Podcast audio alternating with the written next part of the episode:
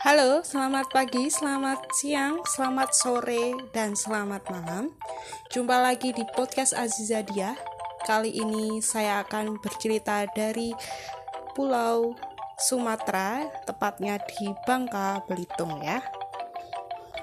Yang berjudul Asal Mula Sungai Jodoh. Langsung saja.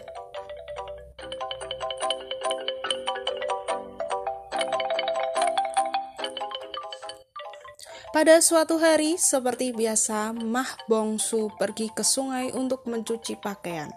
Seekor ular yang melintas di dekatnya membuat Mah Bongsu sangat ketakutan. Namun ular tersebut tidak menyerang Mah Bongsu. Ia berenang di sekitar gadis itu sambil menunjukkan luka-luka di kulitnya. Merasa kasihan melihat luka ular tersebut, Mah Bongsu memberanikan diri mendekati ular tersebut dan mengambilnya. Dibawanya ular tersebut ke rumahnya dan diletakkan ke, di kamarnya. Setiap kali kulit sang ular terlepas, Mah Bongsu memungutnya dan membakarnya. Jika asapnya mengarah ke Singapura, tiba-tiba terdapat tumpukan emas dan berlian. Jika asapnya mengarah ke kota Bandar Lampung, akan berdatangan berkodi-kodi kain sutra Lampung. Dalam waktu singkat, Mah Bongsu menjadi gadis kaya raya. Penduduk sekitar merasa heran dengan kekayaan Mah Bongsu. Namun Mah Bongsu adalah orang yang dermawan. Ia selalu membantu penduduk sekitar dengan tulus.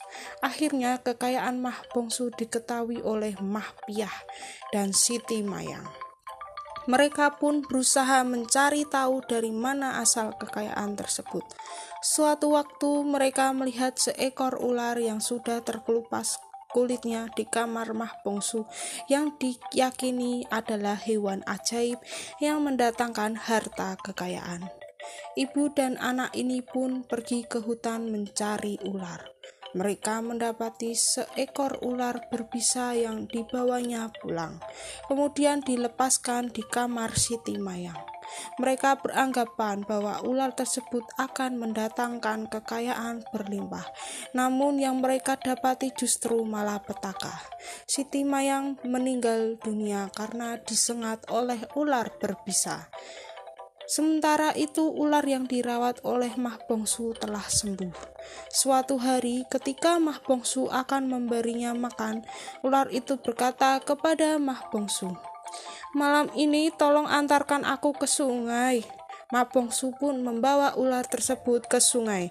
Sesampainya mereka di sungai, sung, sang ular berkata, Mah Bongsu, sudah waktunya aku melamarmu sebagai istriku. Mang Bongsu tercengang. Seketika ular tersebut berubah wujud menjadi seorang, seorang pemuda yang gagah dan tampan. Sementara itu, kulitnya menjadi sebuah rumah yang megah dan sangat indah. Mereka kemudian menikah dan hidup berbahagia.